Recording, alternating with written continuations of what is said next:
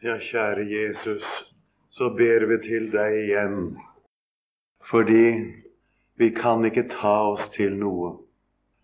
Ja, Herre, vi greier ikke engang selv å åpne vårt hjerte for ditt ord. Også det må vi be deg om, Herre, at du vil komme til oss, at du, Herre, vil samle våre tanker, at du, Herre, vil knytte vårt hjerte til deg selv. Og jeg ber om at jeg kunne få bære frem et ord som kan komme til å virke noe, Herre. Skape noe i oss. At det ikke blir vi sitter og hører, men at det skjer noe med oss, Herre. At det viser seg i vårt daglige liv. Jeg ber jeg om i ditt navn. Amen. Det er Guds ord som vi skal stanse for i dag, står hos evangelisten Matteus. Det er referat, ordrett referat av den talen som heter Bergprekenen, hvor vi altså får en tale fra ende til annen, slik som den er holdt av Jesus. Og Der leser vi i kapittel 5 hos Matteus fra vers 43. Jeg har hørt at det er sagt, du skal elske din neste og hate din fiende. Men jeg sier eder, elsk eders fiender, velsign dem som forbanner eder. Gjør vel imot dem som hater eder, og be for dem som forfølger eder. For at de kan bli eders himmelske Fars barn, som lar sin sol gå opp over onde og gode, og lar det regne over rettferdige og urettferdige. For om I elsker bare dem som elsker eder, hva lønn har I da? Gjør ikke også tolderne det samme? Og om I hilser bare på deres brødre, hva stort gjør I da? Gjør ikke også hedningene det samme? Derfor skal I være fullkomne, like som eders himmelske Far er fullkommen. Amen. I dette ordet møter vi loven anvendt på en kristens liv. Og det gjør ordet svært vanskelig for mange. Ikke fordi det er utydelig, men det melder seg mange vanskelige spørsmål. Og før jeg går litt inn på ordet, så la meg få lov å nevne litt om loven og lovens bruk. Det har ikke akkurat direkte noe med talen å gjøre, men jeg tror jeg skal nevne det. Jeg har gått og tenkt på det disse dagene. Det er veldig mye uklarhet blant de kristne om disse spørsmål.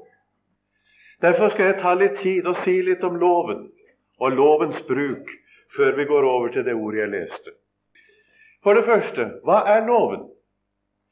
Vi svarte på det i går. Det er at Gud åpenbarer sin hellighet. Og dermed er i grunnen alt sagt. Alt som åpenbarer hellighet, alt som krever hellighet, alt som viser oss vår synd, alt som krever av oss, det er loven. Akkurat som evangeliet. Hva er evangeliet? Det er åpenbaringen av Guds frelsende kjærlighet. Og Derfor vil evangeliet alltid være budskap om Guds sønn, som ble menneske, som gikk i vårt sted, bar vår synd, frelste oss på korset og ga seg selv for oss. Oppfylte loven istedenfor oss. Det er evangeliet. Når vi nå altså snakker om loven, åpenbaringen av Guds hellighet, så kommer loven til uttrykk på forskjellig måte. Jeg skal nevne fire av lovens uttrykk. Det budet du skal.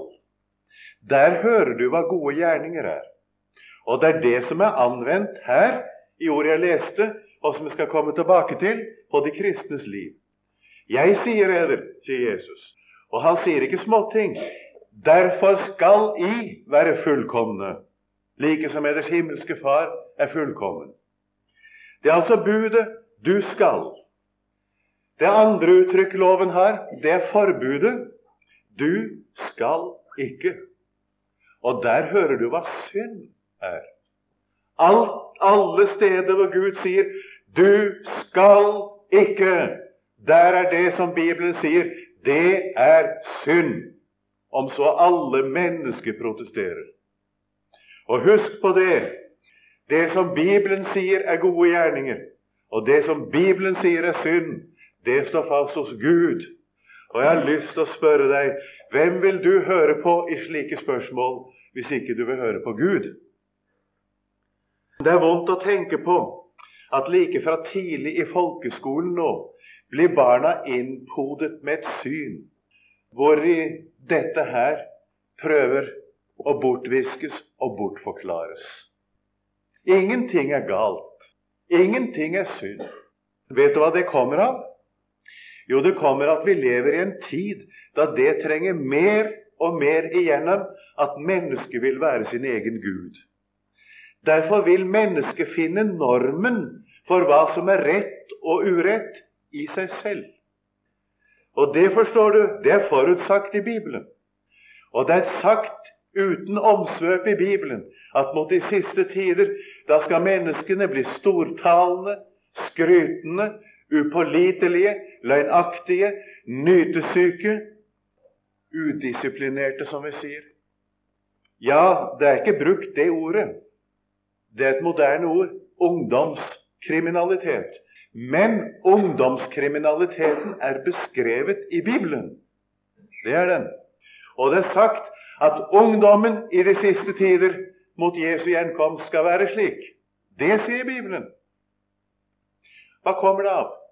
Det kommer av at Guds hellige lov ikke lenger blir respektert. Det kommer det av. Det kommer av at mennesket søker ikke normen, altså det som bestemmer hva som er rett og urett, i Bibelen, men ut fra sitt eget hjerte. Og det, sier Bibelen, det kommer til å føre til at mennesket lever etter sine egne lyster. Og bare se om ikke det går som Bibelen sier. Og her har dere en oppgave, kristen ungdom som er her i dag. Det er veldig gildt å se så mange unge her, og mange bekjennende kristne unge. Og det er gildt å høre unge mennesker synge om Jesus slik som dere gjorde her. Bare syng om Jesus, dere. Det er et vitnesbyrd, det. Og husk på lev i samsvar med det dere synger. Jeg har nevnt to uttrykk for loven. Budet du skal, forbudet du skal ikke. Loven får videre et tredje uttrykk i at den setter straff for å synde. En straff som begynner allerede i visse ting her i menneskelivet og fullbyrdes i Guds dom på dommens dag.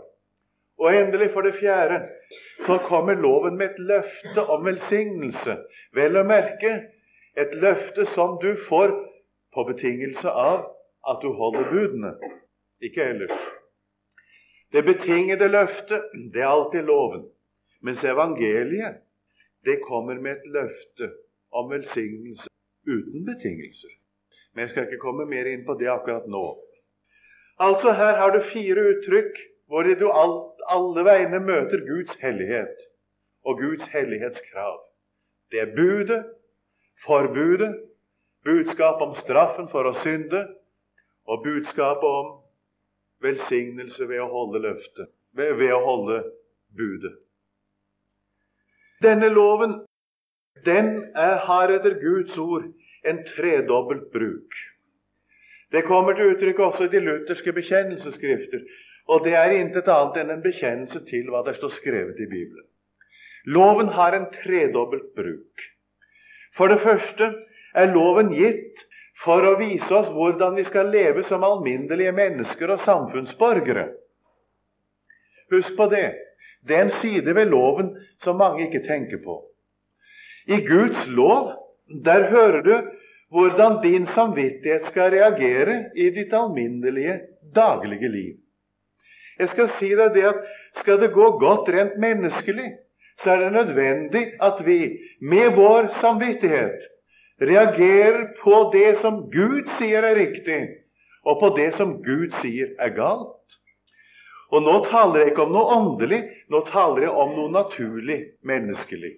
Lovens første bruk det er en rent naturlig menneskelig bruk. Og det kalles da også i Guds ord for lovgjerninger. Lovgjerninger er ikke det samme som gode gjerninger. Gode gjerninger det skal jeg komme tilbake til om Gud vil, det skal jeg si ut fra ordet her i dag. det skal jeg komme tilbake til, gode gjerninger, det kan du bare tale om i forbindelse med en kristen. Og det er alltid en frukt av Guds hellige ånd i et menneskes hjerte. Men lovgjerninger kan alle mennesker gjøre. Og merk deg, alle mennesker er forpliktet til å gjøre dem. Menneskelig sett. En ting er at Guds ord sier at du og jeg blir ikke rettferdiggjort for Gud ved lovgjerninger. Det gjør vi ikke. Du blir ikke en kristen ved lovgjerninger. Du blir ikke godtatt av Gud ved lovgjerninger.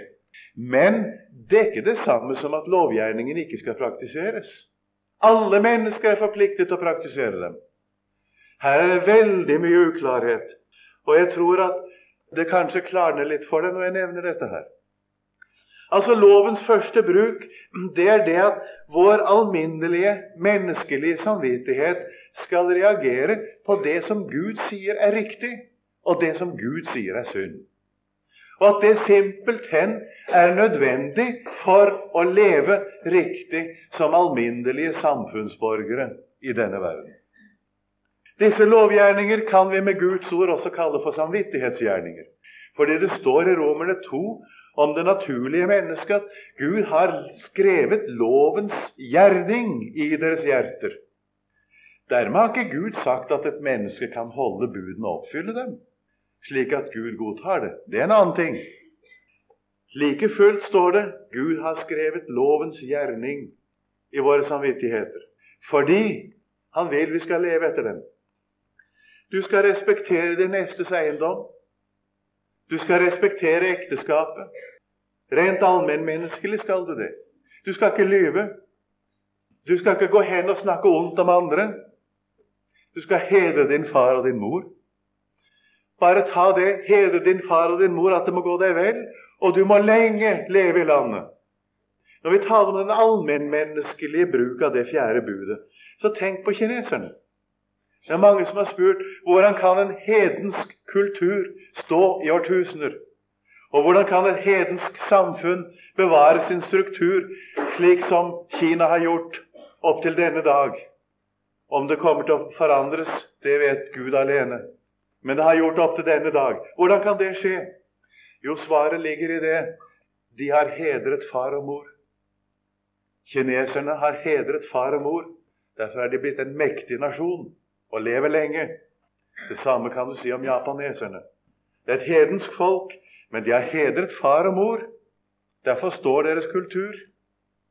Det viser altså at rent menneskelig er det noe med Guds lov som har en aller største betydning, og som er nødvendig det understreker nødvendig for vårt liv her på jorden. Til denne lovens første bruk hører det også det at i loven er det gitt norm for øvrigheten når den skal dømme. Hvis det var riktig, så skulle vårt storting, våre domstoler, lovgivning og rettsvesen det skulle være bestemt ut fra de regler og de normer som er gitt i Bibelen.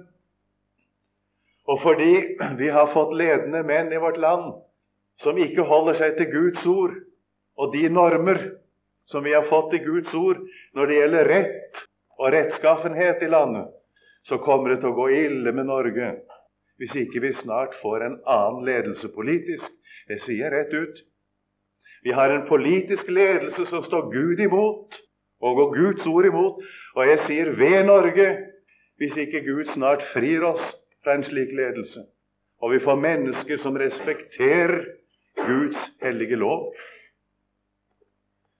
Ja, det er lovens første bruk. Og hører, Det er altså lovens rent menneskelige betydning. Og den er der.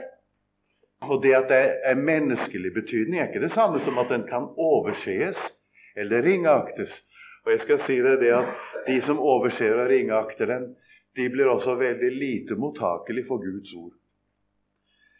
Lovens annen bruk etter Bibelen det er at Gud bruker loven til å vekke oss og vise oss vår synd. Her er det altså det taler om i Romerne 7.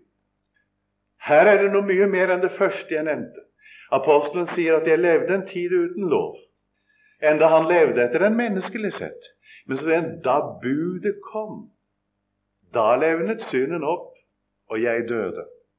Og for å si det kort det som er lovens oppgave i vårt forhold til Gud, altså lovens annen bruk, det er at du og jeg skal miste troen på oss selv overfor Gud. At vi skal lære å innse og innrømme at overfor Gud gjelder selv ikke min beste lovgjerning. Det er ikke bedre med mine lovgjerninger sett i Guds lys enn at jeg må frelses fra det beste jeg har gjort. Og da vet du hvordan det er med det verste. Der har jeg intet jeg skal ha sagt. Og der er det evangeliet kommer og sier at alt hva loven krever av meg, at jeg kan stå for Gud, det har jeg fått i Jesus. Men det skal jeg straks få komme litt mer tilbake til. Det er lovens annen bruk. Det er det den gjør i vekkelsen. Men så er det også en tredje bruk. Det er at loven den er formaningstale til dem som er født på ny. Loven er en veiledningstale for en kristen. Og det er det Jesus taler om i det ordet jeg leste her. Og Nå skal vi da gå over til å se litt på det. For det er altså, for å si det med et ord, det er lovens tredje bruk jeg skal prøve å tale litt om her på dette samme. I den talen der Jesus taler om vårt liv som kristne, sier han altså Elsk deres fiender. Velsign dem som forbanner eder. Gjør vel imot dem som hater eder og be for dem som forfølger dere, for at de kan bli eders himmelske Fars barn. Det ordet 'bli' som står der, det ser vi i grunnteksten, som har meget nøyaktigere måte å uttrykke seg på enn norsk. Det betyr det samme som å vise seg som. Jesus har altså ikke sagt dette, at vi skal være dette og gjøre dette for å bli kristne. Men han sier 'fordi vi er kristne. Altså, elskede fiender. Velsign dem som forbanner eder. Gjør vel imot dem som hater eder. Be for dem som forfølger eder, for at det kan vise seg hvem dere er barn av, nemlig Far i himmelen. Og så munner dette ordet da ut i det at en må kunne vente noe annet av en som er Guds barn, enn du venter av toldere, altså åpenbare syndere, og av hedninger. Om du elsker dem som elsker deg, ja, tja, det gjør tolderne òg. Om du hilser bare på dine brødre, tja, det gjør hedningen òg. Skulle det ikke være noe annet og noe mer å merke på det menneskets liv er Guds barn? Du hører altså når vi stiller spørsmålet på den måten, så må jo svarer ja, naturligvis.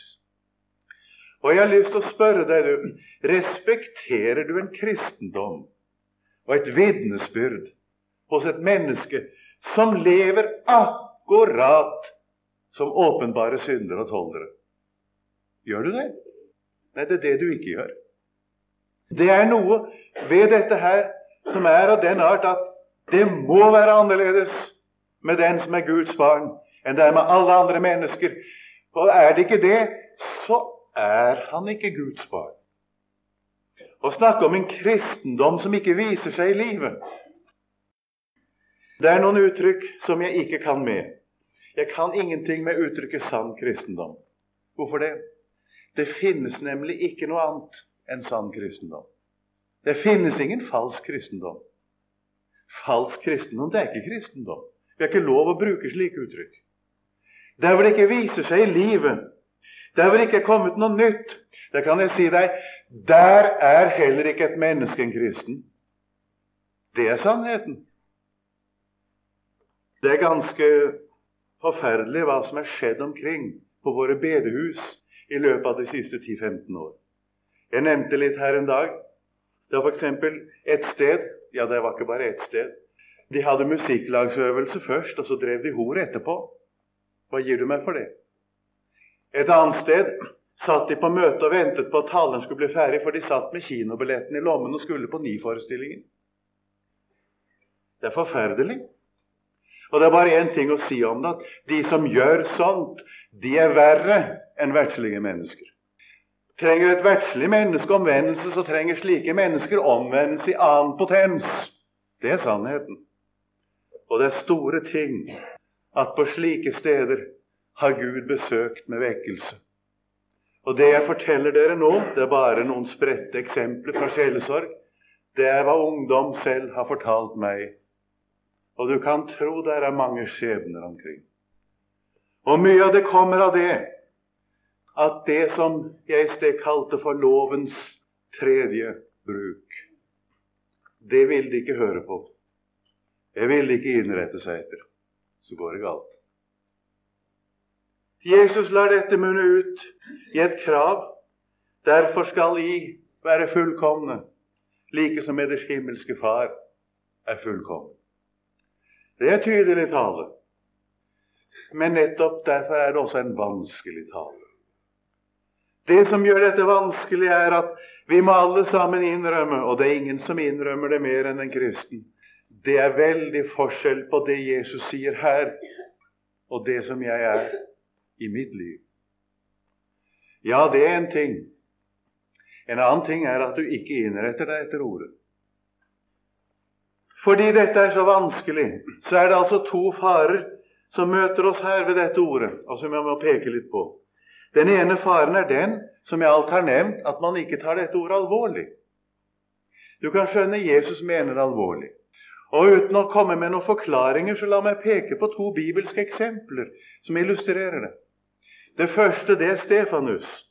Det står at de stenet Stefanus. De førte ham ut av byen.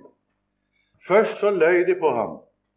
Jeg vet ikke om du har opplevd det at folk har løyet på deg. Sagt onde ting om deg, ting som ikke er sant. Det har jeg opplevd mange ganger. Og jeg må si at det er noe av det tyngste jeg opplever. Jeg har også opplevd at folk har løyet på min forkynnelse. De har bl.a. sagt om meg det, og det kan hende noen har sagt i god tro også, at jeg f.eks. aldri forkynner helliggjørelse. Jeg vet ikke hva du synes når du sitter og hører på meg nå, eller hva du som har vært på disse møtene disse dagene. Og det er noe jeg har prekt hele mitt liv. Det er ikke bare denne uken. Jeg vet i hvert fall én ting. Når folk lyver på en, så gjør det vondt. Og jeg vet at det er ikke lett. Og jeg tenkte på det med Stefanus.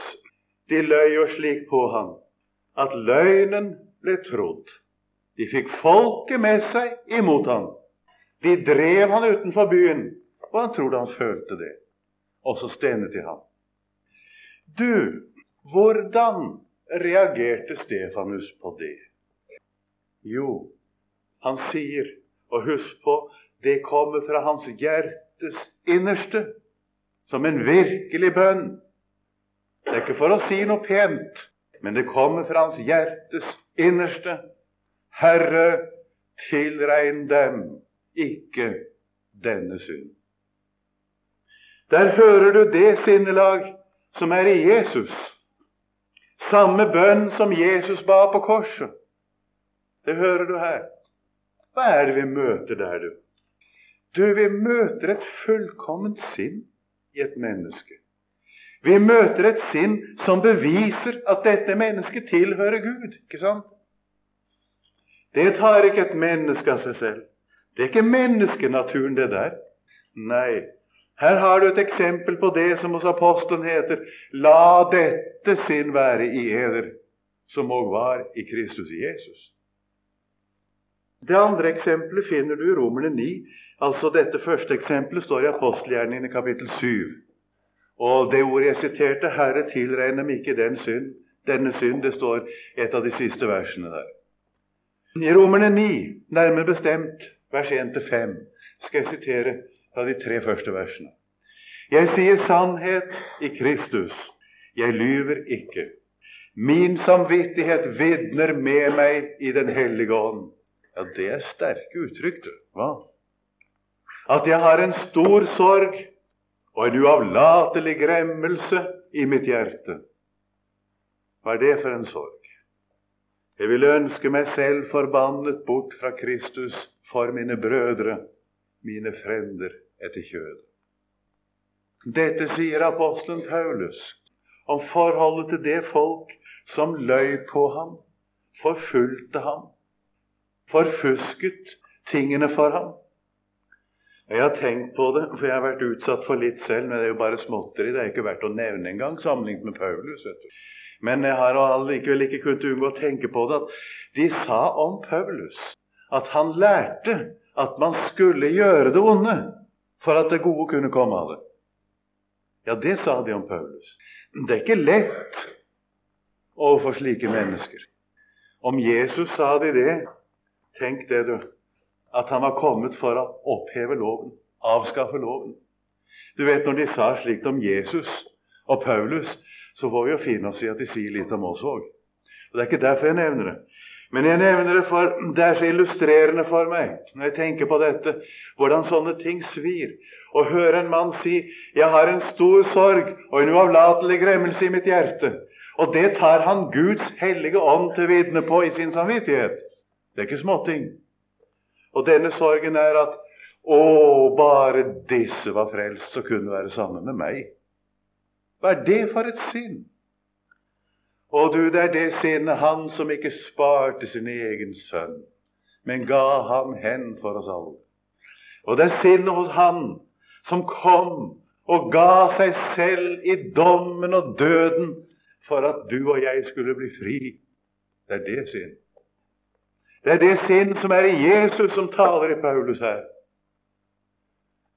Og Da begynner vi å skjønne hva det er Jesus mener. Han sier derfor skal I være fullkomne, like som eders himmelske Far er fullkommen. Og husk nå på her med dette mener ikke Jesus at de troende er syndfri her i verden. Det er underlig tale Jesus fører. Det er ikke annet enn gjenfødte mennesker som skjønner dette her heller riktig. Men det kan du bli. Om du ikke er det nå i kveld, så kan du bli gjenfødt bare å sitte og høre på denne talen her. skal jeg si deg. Bare følg med. Og jeg har lyst til å si det òg. Dette sinn som jeg taler om, kommer vel tilbake til det, det skapes i oss gjennom vår hørsel. Så det er ikke forgjeves å sitte og høre på. Det er så underlig med denne talen. Jesus sier ikke at apostelen er syndfri. Nei, tvert om. I samme talen, nærmere bestemt i kapittel 7, så sier han dersom da I som er onde Den karakteristikken gir han dem. I som er onde. Stefanus var ikke syndfri. Paulus var ikke syndfri. Det manglet det mye på. Ikke det at jeg kan se mange synder hos Paulus, men jeg hører han sier om seg selv. For jeg vet at når Paulus sier det, så mener han det. Jeg, sier han, den største av alle syndere. Akkurat som jeg ser det om meg selv, det. Jeg kan se mye synd hos andre, allikevel, når jeg ser mitt eget hjerte, så må jeg si jeg, den største av alle syndere. Men legg så merke til det er hos dem som ikke er syndfri. Du møter det sinn som du møter hos Stefanus, og som du møter hos Paulus. Det er til dem som ikke er syndfri, men tror på Jesus som frelser, at Jesus sier, 'Derfor skal I være fullkomne, liksom Eders himmelske Far er fullkommen'. Og det skal vise seg på det sinn som bestemmer over ditt liv. Det skal vise seg på det at du er Guds barn. Skjønner du hva Jesus mener? Han taler om et sinn som er født av Gud. Og fordi det er født av Gud, så er det også som Gud. Og så sier han det er det sinn en kristen skal leve etter.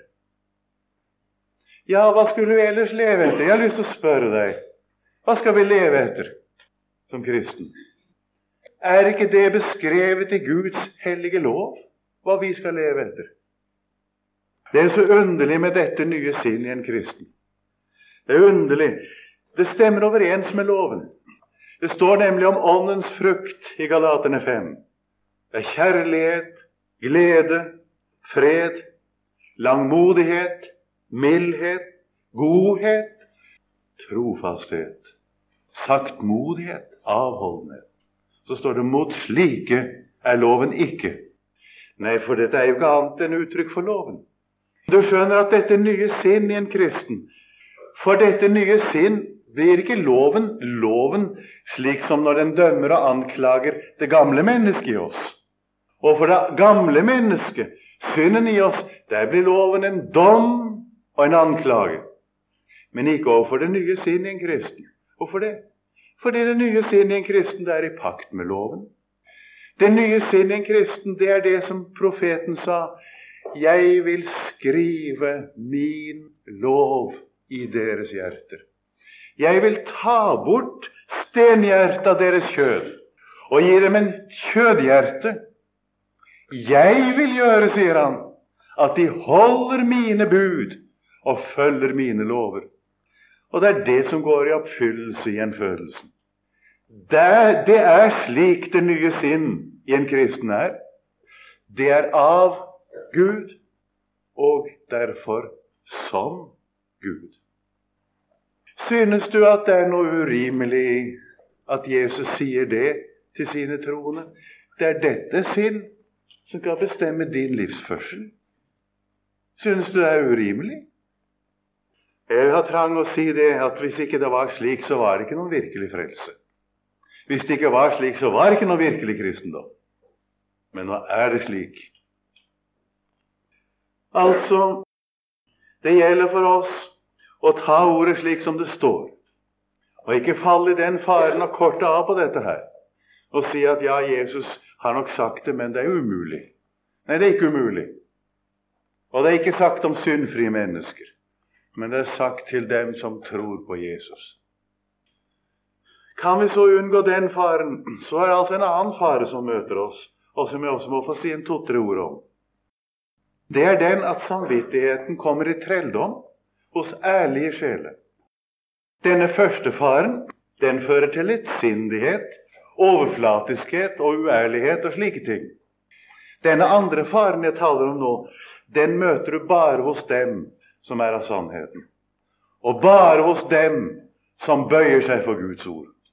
Men der kan den også bli en virkelig fare, og jeg har selv sittet fast i den i nesten tre år før Gud fikk vise meg evangeliet. Så jeg vet litt om det. Og det er en fryktelig fare hvis en ikke blir frelst ifra den. Hva er det for noe? Jo, en tenker som så at hvis det å ha dette sinn er bevis på at en er en kristen, da tør jo ikke jeg bekjenne meg som en kristen. Da tør jeg jo ikke tro syndernes forlatelse. Da er det jo håpløst, for jeg er jo ikke slik. Hør her, du. Ser du hva det er for noe en gjør da? Da snur en saken på hodet og gjøre det som er virkning av å være en kristen, det gjør en i virkeligheten til en betingelse for å være en kristen. Det er opplevelsestrelldom, forstår du. Og opplevelsestrelldom, det er den farligste form for lovtrelldom. Og den består i på en eller annen måte, eller på mange slags måter kan det hende også, så tar en det som er virkningen av å tro på Jesus, og gjør det til en betingelse for å tro på Jesus. Og så står det der. Biskop Høeg har i sin prekensamling en tale om dette her. Den skulle dere lese. Det står i hans bok 'Vitnesbyrd om Kristus'. Du må da ikke ta troens virkninger og gjøre til troens betingelse, sier han. Så taler han om hvordan det går. Det er de som tar det på den måten at de tør ikke tro evangeliet, for de har ingen frelsesopplevelse. Jeg snakket med en som kom på bibelskolen her i vinter. Og Vedkommende sa til meg jeg tør ikke tro at ordet om Jesus gjelder meg. Hvorfor det, sa jeg. Jeg har ikke opplevd det. Ja, men kjære deg, du stiller av saken på hodet. Nei, sa vedkommende, jeg tør ikke anledningen til å si det til deg, kjære deg. Hvem har sagt at du skal oppleve frelsen før du tror på den? Hvem har sagt det? Det er ikke Gud. Og så kan det ellers være sammen med hvem som sier det. Men det er ikke Guds ord. Nei, hør her, du. Enten det er det med dette sinnelaget jeg talte om, du mangler, eller det er opplevelsen du mangler. Og nå taler jeg om den grunnleggende opplevelsen du mangler, gjenfødelsen. Så skjønner du den skjer ved troen, den. Den skjer ved at du hører. Tenk deg at Jesus sto her nå, og det gjør han jo gjennom det jeg sier. Han er i Ordet. Fordi du er slik som du er. Så gikk jeg i ditt sted. Nettopp fordi du er slik som du er. Så gikk jeg i ditt sted. Jeg tok ansvaret for deg. Nå skal du få stole på meg, sier han. Jeg gjelder for deg. Hva vil du svare? Å, tenk om du sa 'Takk, Jesus'. Er det sant, så skal du oppdage der er det gjenfødelsen skjer. Gjenfødelsen er simpelthen det at hjertet fatter tillit til Jesu Kristi stedfortredergjerning. Når det gjelder mitt forhold til Gud, sier Luther og merk deg det, når det gjelder mitt forhold til Gud, da er jeg som det verken fantes ett eller ti bud. For når det gjelder mitt forhold til Gud, da er alle bud oppfylt for meg. Ja, det er sant. Den som kunne si det slik som Luther. Men vi får tale med det melet vi har fått. Når det gjelder ditt forhold til Gud, er alle bud oppfylt. Der mangler ingenting. Det du trenger for å være en kristen, det har Jesus gjort. Og da Jesus sa på Golgata det er fullbrakt, så var det fullbrakt. Du spør hva du skal gjøre for å bli frelst, så sier Guds ord ingenting. Du skal høre. Hør, så skal dere se leve. Og jeg tenker det at det er noen som hører seg frelst her nå, jeg. Jeg tror det. Takk, Jesus, du, for at når det er spørsmål om du får syndenes forlatelse, så sier Guds ord den har du i forløsningen ved Jesu blod, syndenes forlatelse etter Hans nådes rikdom. Det er ikke spørsmål verken om deg eller om meg der. Når det er altså spørsmål om du får være en kristen, spørsmål om du kan tro at du får være Guds barn, da er det bare spørsmål om Jesus, ikke om noen annen. Ikke om noe annet enn det han har gjort. Altså, sier Luther, når det gjelder mitt forhold til Gud, er jeg som det verken fantes ett eller ti bud, for der er alle bud oppfylt for meg. Og så føyer han til men når det gjelder mitt forhold til mine medmennesker, se, da har jeg i budene den riktige rettesnor og veiledning for mitt daglige liv. Ja, det er sant. Og her er det, ser du, det kommer inn i bildet det Jesus taler om. Si meg, du, er du fornærmet på noen? Å ja, kan hende du føler det. Det er noen som har gjort deg urett. Det var en mann som ville ha meg med på det. Han sa det at Ja, jeg bør ikke gå inn i detaljer. Det gjaldt dette gamle spørsmålet om grensen mellom to naboer. Det var en sti som naboen hadde brukt over jordet hans. Nå ville han bygge et hus der. Da måtte han sperre stien. Og så protesterte naboen. Og du vet, mannen hadde juridisk rett. Men naboen, han kranglet. Naboen var verdslig. Denne mannen som hadde stien og skulle bygge hus, var en kristen. Så kom han, og så snakker han om det. Så kommer de til oss som er sjelesørgere, og så vil han ha oss med på ting. Så sa jeg det. Ja vel, du har nå rett, sa jeg. Det har du. Du har rett. Men hvis du holder på den, så taper du. Da taper du noe som er mer verdt enn det jordstykket du skal bygge på. Det ble ikke sagt noe mer. Vet du hva som hendte? Ja, det er underlig når Gud rører ved et hjerte. Jo, det hendte, skjønner du, at denne mannen han innrettet seg. Jeg vet ikke om han tenkte akkurat på dette ordet jeg leste fra Matteus 5, men han innrettet seg i hvert fall etter det ordet. Det nye sinn vant i ham. Så gikk han til naboen og sa han, ja, du får unnskylde det, sånn at jeg har stengt denne stien. Du får unnskylde meg, du kan bare bruke den. Jeg har plass nok til å bygge det skuret et annet sted. Jeg skulle ikke, jeg skulle ikke gjort dette. Jeg skulle ikke stengt her. og sagt det vi bygger her. Vi har jo plass nok. Kan bygge et annet. Bare bruk den som du har gjort sånn. Jeg skal la det være åpent igjen. Vet du hva som hendte da? Så sa naboen Han hadde vært vrang og vrien på så mange vis, den naboen. Han var en av dem som var vrien, altså. Og vanskelig å ha med å gjøre. Ikke bare for denne mannen, men for andre òg. Men vet du hva han sa? Her kommer du og ber meg om tilgivelse for noe som du har rett til. Og du var jo i din gode rett, sa han. Og for å si det kort den mannen ble frelst, han. Ser du hvilken seier han vant, denne kristne? For det første vant han over synden i sitt hjerte ved å følge Jesus. Og det gjorde han ikke for å bli en kristen, men han gjorde det fordi han var det. Du skjønner, Det er umulig å gjøre dette for å få syndenes forlatelse, men vi får gjøre det fordi vi tror syndenes forlatelse. Bare prøv, skal du se. Så vant han over det gamle mennesket sitt. Og så vet du, han vant jo en veldig seier når naboen ble en kristen. Det ble et vitnesbyrd for hele bygden. Han hendte på en ekserserplass. De hadde en eh, tropps, en, en, lagfører, som det heter nå. En korporal. Han var eh, fælt å drikke. Kom ofte full inn på brakken om kvelden. I det der, på den brakken var det én kristen. Og han som var lagfører, han kunne ikke tåle denne kristne. Han kunne ikke tåle at han leste i Bibelen. Og han kunne ikke tåle hans vesen. Han var meget tålelig, denne kristne. Og så var det en kveld han kom full inn, denne her lagføreren, og så at denne kristne lå og leste i Bibelen. Så tok han marsjstøvlene sine og slengte i hodet på den. Uten å Det skjedde ikke noen ulykke, altså. Det gjorde det ikke. Men de var sølete og fæle. Og du vet at en av reglene på Moen er den en skal holde det i orden. Med sengetøy og alt skal være rent. Og få skitne marsjstøvler oppi køya. og Sånn det er ikke så behagelig, bortsett fra at han fikk noen sår i ansiktet også.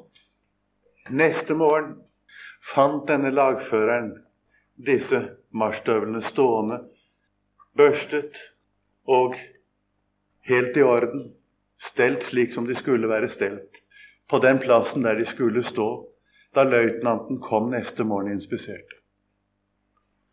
Vet du hva, som det, hva det resulterte i?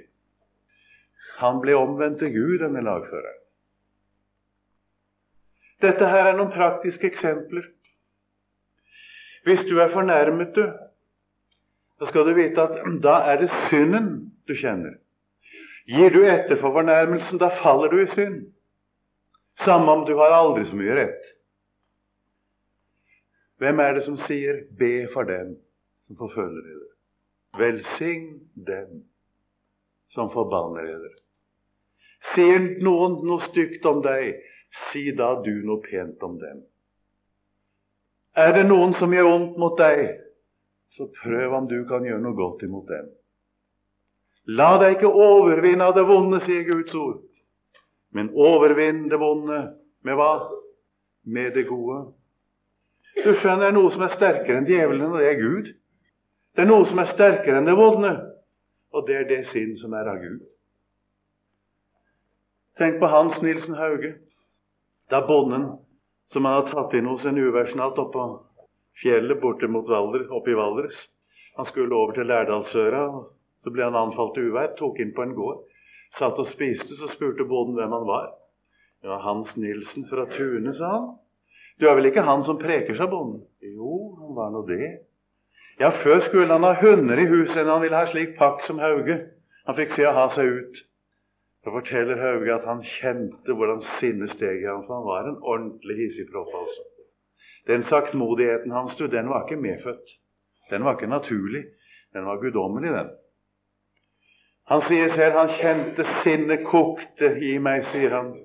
Men så tar jeg min kappe, og så knapper jeg den langsomt igjen, sier han. Og så ser han på bonden, og så sier han i slike tilfelle er det godt å være væpnet med Kristi sinn. Så sier han takk for seg, og så går han. Han var ikke kommet bakken ned før bonden ropte etter ham. Han måtte opp igjen, og da var det rett på kne, og bonden overga seg til Gud. Det synes kanskje det er noen pene solskinnsfortellinger jeg forteller, men de er sanne. Og sannheten er den, du, der Guds nåde kommer i et menneskes hjerte, der kommer det solskinn. Kan hende det, godt folk, kan hende at vi trenger noen solskinnsfortellinger i våre dager. Ikke sant? Vel å merke hvis de er sanne. Vi trenger ikke noe tøys. Det har vi nok av. Men kan hende vi trenger litt solskinn i dag. Og hvem er solskinn? Det er de som lever etter det sinn som er født av Gud i et menneske, og som bare er, bare er i frelste syndere, ikke noen av. Det er nådens solskinn. Dette solskinnet, du, som vi er frelst ved, det var Guds nådes sol som gikk opp med lekedom under sine vinger da Jesus kom. Og hør nå her, like som Jesus nå representerer deg og meg ved Faderens høyre hånd, for det gjør han. Der er din og min rettferdighet for Gud. Der er det som gjør at vi kan være kristne, og som gjør at Gud kan høre våre bønner. Det er Han som representerer oss hos Faderen ved Faderens høyre hånd. Men like som Han representerer oss der, så skulle du og jeg representere Han for våre medmennesker. Du som går i den høyere skole. Du kan ikke være lik alle andre på skolen hvis du skal være en kristen. Du kan ikke følge det gjengse syn. Du kan ikke ha det syn på klær, og ikke tale om på fornøyelser. Og heller ikke på andre ting som er det alminnelige. Hvis ikke du kan være annerledes enn andre, så bare la være å være en kristen, for det går ikke allikevel. Og det kan jeg si til deg som er på et snekkerverksted, eller på Moen, eller på jordet. Kjære deg, skal vi være like alle andre, så kan vi ikke være kristne da. Å være en kristen det er det at en skikker seg ikke like med verden, men en blir forvandlet innenfra. Det skjer noe her inne, og så lever en etter det. Og så skal jeg si det, så blir det et lykkelig liv. Og et innholdsrikt liv. Har jeg lyst til å spørre dere unge har du besøkt noen syke i uken som gikk? Hvorfor har ikke du det? Finnes det ingen? Har du sett til noen gamle? Har du hjulpet noen som er trette? Har du sett tjenester som du kunne gjøre, ligge for deg, og latt være å gjøre dem? Det er så merkelig med mentaliteten i de unge i dag. Og der igjen har våre politikere et veldig ansvar. Denne kravmentaliteten og dette her. Det ikke jeg er forpliktet til å gjøre, det skal jeg heller ikke gjøre. Jeg sier igjen da får du iallfall ikke tenke på å være en kristen. Det får du ikke. Hvem skal vi høre på? Er det Arbeiderpartipolitikere eller andre politikere? Eller er det Jesus? Hvem skal vi høre på? Hvem skal vi følge? Jeg vil iallfall si for min del jeg følger Jesus og ingen annen. Syndfri er jeg ikke, det mangler jeg mye på. Det var ingen sak hvis det hadde vært det. Og alle som kjenner meg, de kan jo vite at jeg er ikke det. Men Jesus følger jeg. Jesus tror jeg på, og Jesus følger jeg. Og det har jeg ikke angret på. Nå spør jeg deg, hvem vil du følge? Hvem vil du tro på, og hvem vil du følge? Ja, kjære Jesus, om vi må bøye oss og erkjenne at det mangler så usigelig meget så vil vi i hvert fall takke deg fordi du taler til oss om dette. Og takke deg fordi du er her hos oss nå, Herre. Og så ber jeg om at du som har kjøpt oss fri fra vår synd, og som må få være vår frelser, eie vårt hjertes tillit og være den som vi følger og lever etter. Jeg ber om i ditt navn. Amen.